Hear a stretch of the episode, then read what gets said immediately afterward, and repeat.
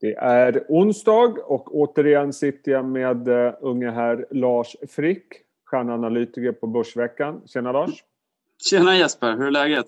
Jo, det är bra. Det är lite rött på börsen sådär. Det är lite, mm. uh, lite slirigt får man väl ändå säga. Uh, mm. Vi ska prata Q3-rapporter du och jag idag. Det har ju lugnat ner sig ordentligt nu. Det värsta rapportstormen är över. Det är dags för lite mindre bolag och då passar du bra. Hur går resonemanget hos er på Börsveckan vad gäller att eh, sammanfatta och analysera den här rapportperioden?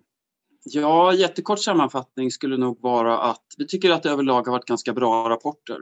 Eh, men att det har ju uppenbarligen inte räckt för att lyfta aktierna utan de som har gått har ju verkligen slagit till med råge. Ta Swedish Match häromdagen till exempel, fantastiskt bra rapport.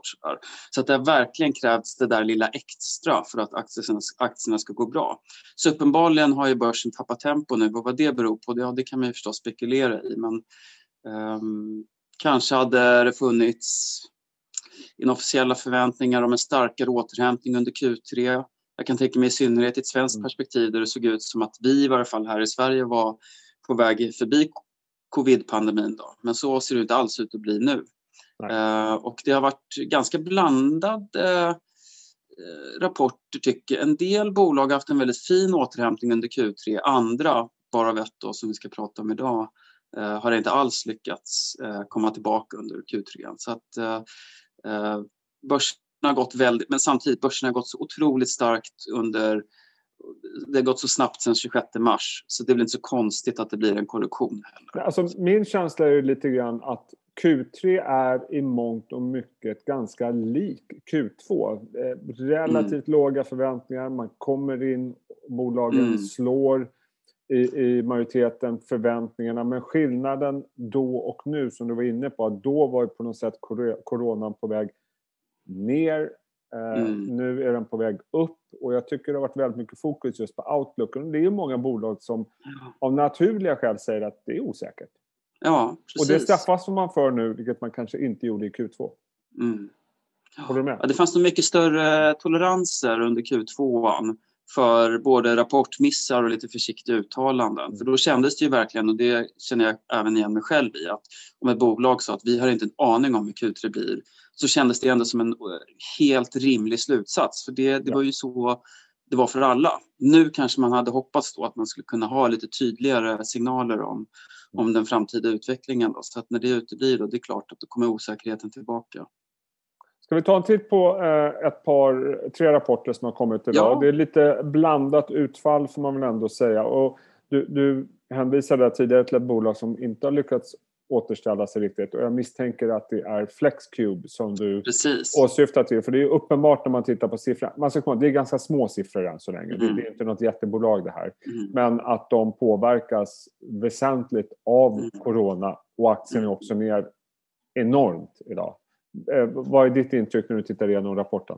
Ja, precis. För de som inte vet vad Flexcube gör då, så kan man kort sammanfatta verksamheten. Och det handlar om, alltså man tänker sig produktion. Det är man ska flytta produkter, råvaror och så vidare så har man ofta, man tänker sig en bilfabrik till exempel, specialiserad utrustning för det här. Då. Men det betyder också att varje gång man byter sig bilmodell eller på något vis förändrar produktionen så måste man också förändra de här eh, transportkärrorna. Flexcube har ett koncept då som är modulärt så att man bygger eh, precis sådana antingen generella rörliga lådor då. Det finns sådana som man både flyttar manuellt och nästa generation då som är automatiserade som kan gå på sådana linjer i, i golvet. Då. då bygger man antingen generella eller extremt specifik för det man har och de är väldigt lätta att ändra så att det är flex då i Flexcube-namnet, den här modulariteten. Så det är ett jätteintressant eh, bolag. Eh, introducerades relativt nyligen då. Eh, men det handlar ju om produktion och i och med att man tänker sig att man har en generellt sett svagare efterfrågesituation, inte minst inom verkstad, fordon där det här bolaget har sina rötter så är det inte så konstigt egentligen att eh, det har gått dåligt, framförallt under Q2 då. Men eh, det vi såg nu är att även Q3 är jättesvag med en orderingång som viker, omsättningen är ner och förlusterna accelererar. Då. Så det här var ett bolag som liksom var på gång. Q1 var en jättefin trend, otroligt fin tillväxt, ett väldigt starkt koncept. Och de här drabbas nog väldigt hårt. För mm. Dels handlar det väl om att kunderna antingen inte investerar i en ny anläggning alternativt kunder som tidigare kanske började nå produktionstak och skulle behöva expandera nu möter en lägre efterfrågan. Så de här planerna, investeringsplanerna skjuts på framtiden. Då. Så jag kan förstå att det går dåligt men, men som sagt det här är ett bolag som verkligen inte sett någon återhämtning under Q3. Eh, och här eh, skulle jag väl kanske säga att det är lite sencykliskt då. Att här tror vi att investeringsviljan måste stiga lite hos kunderna innan Flexcube kan börja visa en urbottning eller rent av en förbättring då, tyvärr. Så att... och, den eh, kraftiga reaktionen vi ser idag det är då en kombination av en svag rapport men också att mm. det sencykliska gör att det är svårt att prognostisera när efterfrågan kommer när tillbaka kommer med tillbaka, ja. Mm. Ja.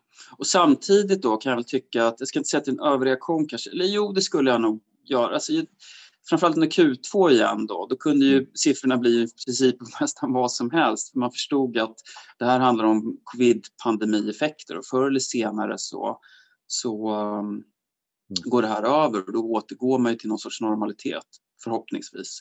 Uh, men man har inte liksom benefit of a doubt här i Flexcube och det kanske är lite ogint då. Mm. Uh, så att möjligen då den här tidskomponenten att man kan tänka sig att det tar lite längre tid för Flexcube att komma tillbaka. Men man tänker sig att fram till och med covid så gick det här bolaget väldigt, väldigt fint operativt. Så att fortsätter det ner så tror jag nog att det här kan bli rätt intressant aktie igen. Just nu lite hög risk kanske, men värd, värd att hålla utkik på. Om vi går över till nästa bolag, också en aktie som är ner när du och jag pratar. Det är rapporten mm. från Microsystemation. Alltså, när jag tittar på headlines, och jag, jag ska mm. erkänna att jag inte grottat ner mig i rapporten jättemycket, så ser ju siffrorna helt okej okay ut och det ser ut som att de har stått emot eh, pandemin ganska väl. Vad säger du om rapporten? Vad är din bild? Av ja, eller hur? Jag menar, försäljningen var i princip oförändrad då. Mm. Eh, och det är väl egentligen ganska bra om man tänker sig vilken marknadssituation man har. Microsystemation gör ju lösningar för myndigheter, framförallt polismyndigheter men även andra relaterade verksamheter och där man ska kunna extrahera data ur mobiltelefoner. Och, ja, det är väl kärnan i verksamheten.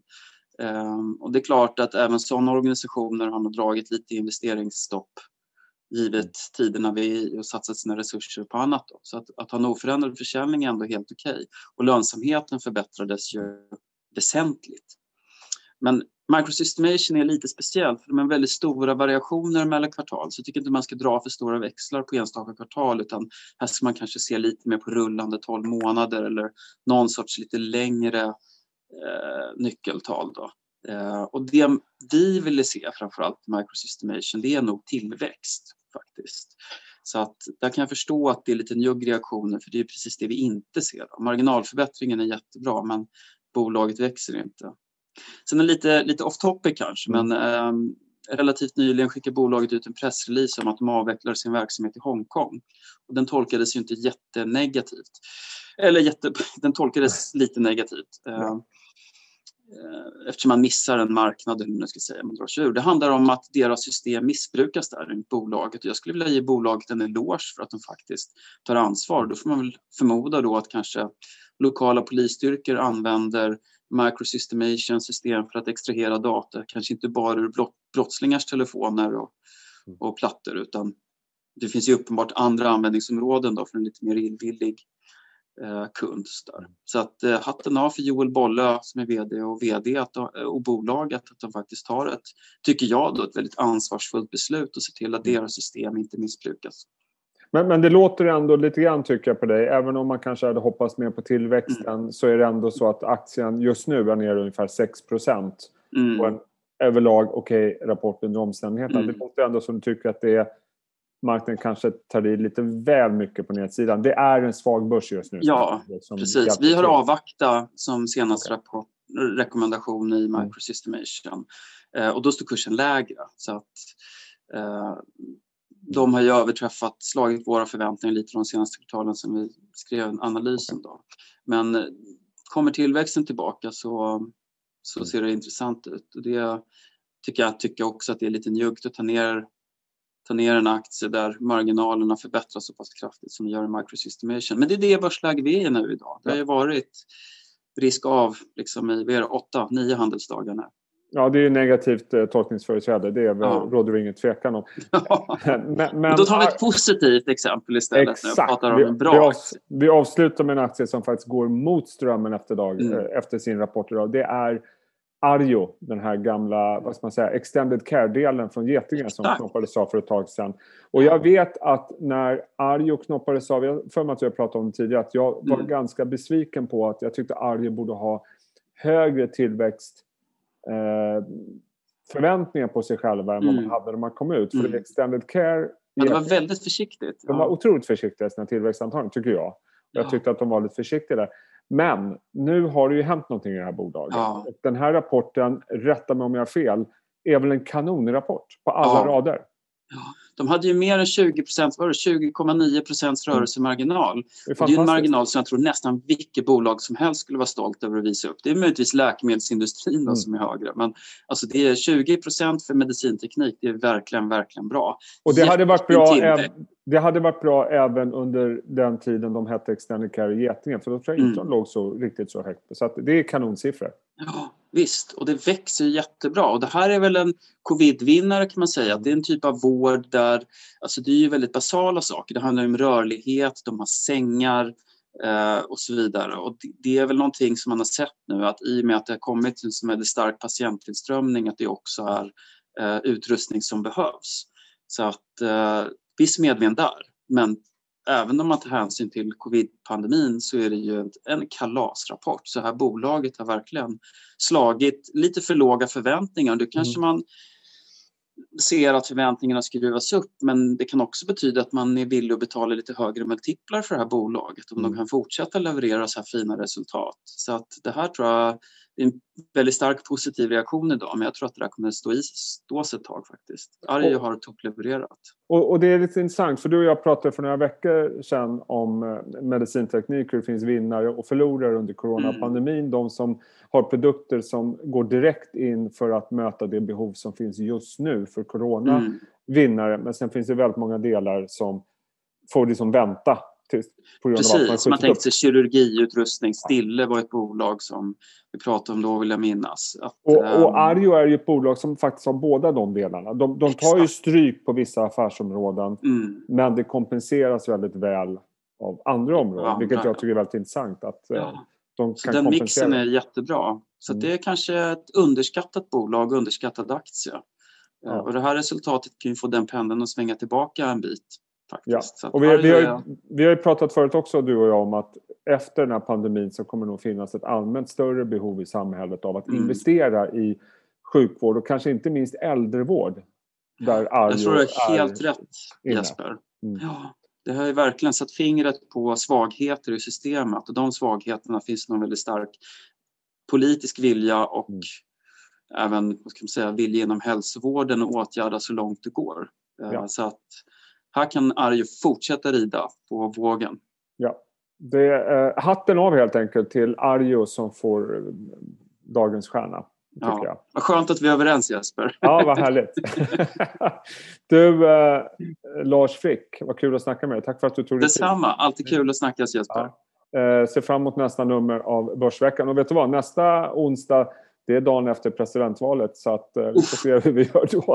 Vad vi, fokuserar på. Vi får väl skilja ut oss och vara de enda i hela världen som inte pratar presidentval då. Vi får ja, leta rätt på någon esoterisk liten mysko-aktie på någon smålista.